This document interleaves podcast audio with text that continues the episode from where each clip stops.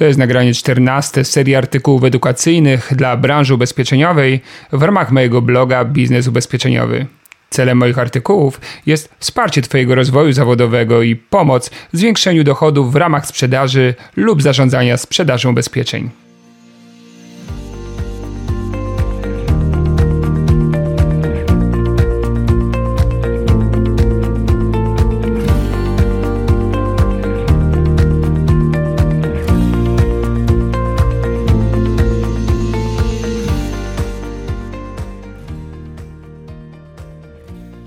5 megabłędów, których musisz unikać w sprzedaży ubezpieczeń na życie.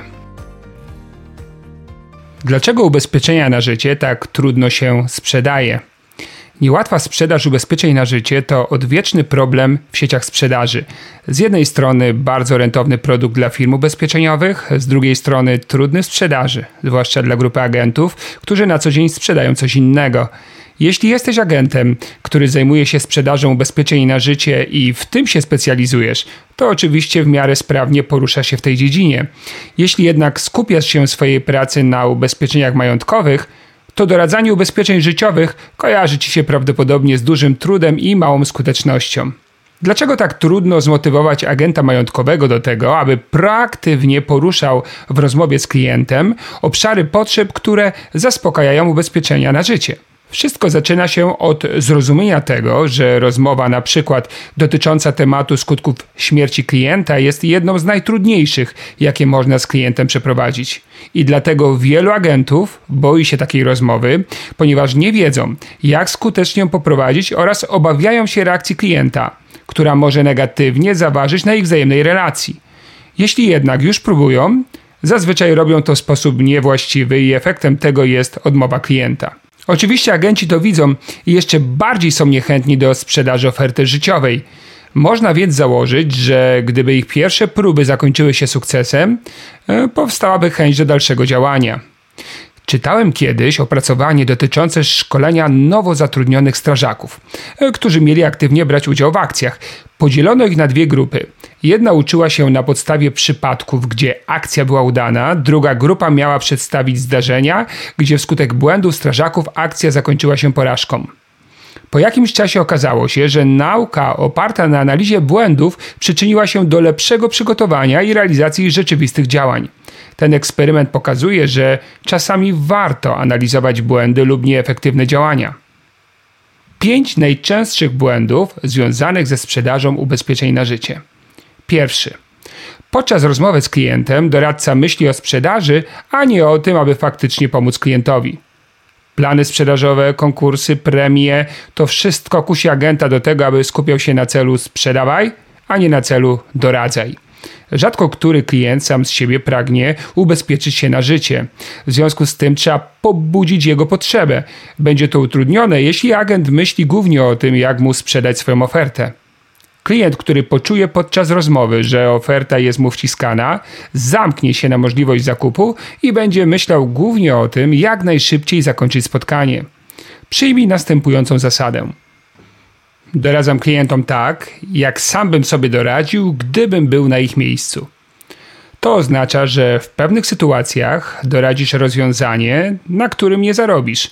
Stwierdzisz, że to jest wystarczające i nie będziesz starał się wymuszać kolejnego zakupu, lub obiektywnie podejdziesz do polis konkurencji i nie będziesz namawiać klientów do ich wymiany na nowocześniejsze rozwiązanie. Uwierz mi, że w całkowitym rozrachunku to właśnie taka postawa przyczyni się do Twojego długoterminowego sukcesu. Dodatkowo wyróżni się w tłumie i napalonych na sprzedaż, którzy cię otaczają, będzie odróżniać to, że klient, mając właśnie tamte doświadczenia, doceni takie podejście i zwiąże się właśnie z tobą. Otrzymałem niedawno telefon od mojego klienta. Panie Adamie, chciałbym zamówić 20 pana książek dla naszych menadżerów. Menadżerowie mojego klienta opiekują się głównie multiagentami w zakresie ubezpieczeń majątkowych. Moja książka w dużej mierze poświęcona jest sprzedaży ubezpieczeń na życie, a część dla menadżerów dotyczy prowadzenia klasycznego zespołu. Miałem dwa wyjścia ucieszyć się zamówieniem klienta i szybko wysłać książki, lub poinformować klienta, że ze względu na zawartość być może nie jest to najlepsza lektura dla jego menadżerów, no i mógłby te pieniądze wydać w inny, bardziej adekwatny sposób. Wybrałem opcję drugą. Klient spytał, czy może zobaczyć książkę i jej zawartość, więc wysłałem mu plik PDF. Na drugi dzień złożył zamówienie na 29 sztuk. Oczywiście ta historia mogła skończyć się inaczej.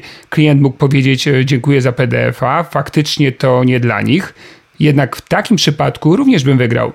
Miałbym pewność, że klient zapamiętał mnie jako osobę, która dba o jego interes.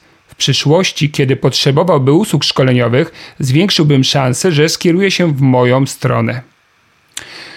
Drugi błąd. Agent próbuje sprzedać, opowiadając o produkcie.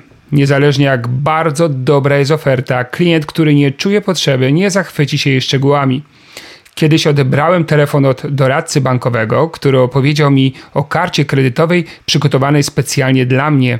Kiedy odpowiedziałem, że nie korzystam z kart kredytowych, usłyszałem, że ta karta ma najniższe oprocentowanie na rynku.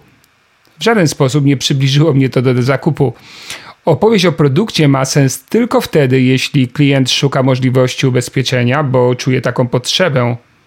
Ile razy poważnie chora osoba zapytała doradcę o możliwość ubezpieczenia się na życie?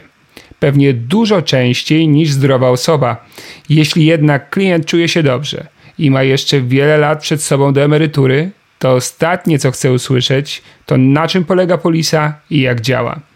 Pamiętam kiedyś zasłyszaną fajną historię, która obrazuje powyższy problem. Załóżmy, że klient biura podróży chce spędzić wakacje w Tajlandii. Przedstawiciel biura bierze do ręki schemat samolotu i zaczyna opowiadać. Samolot, którym pan poleci, składa się z kadłuba z pasażerami, skrzydeł i podwozia. Technologia, w jakiej wykonany jest kadłub, to. Gdybyś był na miejscu klienta, jakbyś się poczuł, jakbyś zareagował. Co mnie obchodzi budowa samolotu? Chcę tam dolecieć i spędzić urlop marzeń. Przyrównajmy to do rozmowy o ubezpieczeniu. Ta polisa nazywa się Kolory Szczęścia. Składa się z umowy podstawowej i szeregu umów dodatkowych. Umowa podstawowa. Uwierz mi, że dla klienta nazwa polisy nie ma znaczenia. Jego interesuje tylko to, jakie problemy mu rozwiążemy i jakie cele pomożemy mu osiągnąć. Co w takim razie powoduje, że klient wychodzi ze spotkania z wnioskiem w ręku? Przede wszystkim to, że agent skupił się na stworzeniu atmosfery spotkania, która spowodowała, że klient czuje się swobodnie, jest doceniony i polubił agenta. Zdiagnozowaniu z klientem potencjalnych zagrożeń i określeniu, czego klient na pewno chciałby w życiu uniknąć na przykład płacenia za szkodę, którą wyrządził, zabrania nieruchomości, bo współmałżonka nie było stać na to, aby opłacać raty po jego śmierci, czekania w kolejce pół roku na kiepską państwową rehabilitację po wypadku. No i przeanalizowanie tego, co już ma, a czego mu brakuje, aby zabezpieczyć finansowo w pełni jego sytuację. Przedstawienie rozwiązania powinno być wisienką na torcie, którą szybko i sprawnie konsumuje klient. Trzeci błąd. Podczas rozmowy z klientem agent zakłada, co potrzebuje klient. Załóżmy, że agent spotyka klienta, który jest głównym żywicielem rodziny, ma współmałżonka i dwójkę dzieci. Patrząc logicznie na taką sytuację, wiemy, że klient powinien posiadać ubezpieczenie na życie. Jeśli agent zacznie proponować takie rozwiązanie, to popełnił błąd, ponieważ nie sprawdził wszystkich czynników wpływających na decyzję klienta. Na przykład nie wie, czy rozmówca w swoim systemie wartości ma rodzinę na pierwszym miejscu. Bo jeśli nie, to rozmowa o skutkach jego śmierci może przypominać rzucanie grochem o ścianę. Spójrzmy na taką sytuację. Spotykasz się z klientem, który chce stworzyć kapitał dla dziecka. To jego gorąca potrzeba. Ty pytasz, a czy pan jest ubezpieczony? Klient odpowiada, e, mam ubezpieczenie grupowe. Co byś zrobił w takiej sytuacji? Mamy różne opcje. Na przykład doradzamy polisę posagową, która odpowiada gorącej potrzebie klienta, albo informujemy, że kolejność działania powinna być taka, że najpierw ubezpiecza się klient jako jedyny żywiciel, a potem może oszczędzać dla dziecka. A ponieważ ma tylko ubezpieczenie grupowe, to na pewno jest zbyt nisko zabezpieczony. Pamiętaj, że to, co klient potrzebuje, wynika z jego emocji. Jeśli rozbijesz mu jego potrzebę i będziesz starał się zastąpić inną, która jest co prawda bardziej logiczna, ale nie kręci klienta, to w większości przypadków skończy się tym, że klient będzie chciał się nad tym wszystkim zastanowić. Czyli być może nie podejmie żadnej decyzji. Ja w takiej sytuacji zrobiłbym tak. najpierw zawarł z klientem polisę posagową i zaspokoił jego najważniejszą potrzebę, a potem przy wręczeniu polisy przeszedł do tematu ubezpieczenia klienta. Nawet jeśli klient nie zdecydowałby się na dodatkowe ubezpieczenie, to przynajmniej mam sprzedaną polisę posagową. Czwarty błąd. Agent za mało skupia się na pobudzaniu potrzeby, a za dużo opowiada o rozwiązaniach. Ponieważ rozmowa o niemiłych skutkach różnych potencjalnych zdarzeń w życiu klienta jest trudna, doradca po podstawowym ustaleniu tematu zbyt szybko przechodzi do opowiadania o polisie i zaczyna tym nużyć klienta. Przykładowo mogłoby to wyglądać następująco. Czy ma pan ubezpieczenie na życie? Nie odpowiada klient. Może warto o tym porozmawiać, bo przecież ma pan rodzinę i warto ich zabezpieczyć. Mam ciekawą ofertę. To zbyt płytkie potraktowanie sprawy powoduje, że klient nie jest wystarczająco zmotywowany do zabezpieczenia rodziny. Tym bardziej słuchając 15 minut o ofercie, nie zmieni swojego zdania. Dlatego pamiętaj, zanim przejdziesz do proponowania rozwiązania, popracuj nad potrzebą. Na przykład klient dał Ci informację, że ma kredyt hipoteczny i jest jedynym żywicielem rodziny. Zakładam, że pytasz, co stałoby się z kredytem, jeśli by pana zabrakło? Klient odpowiada, byłoby kiepsko. I teraz następuje kluczowy moment. Wielu doradców zahaczy się na tej odpowiedzi i potraktuje ją za dobrą monetę. I właśnie dlatego warto się zabezpieczyć, a ja mam bardzo dobre ubezpieczenie na życie. Policzmy, ile byłoby pana rodzinie potrzebne.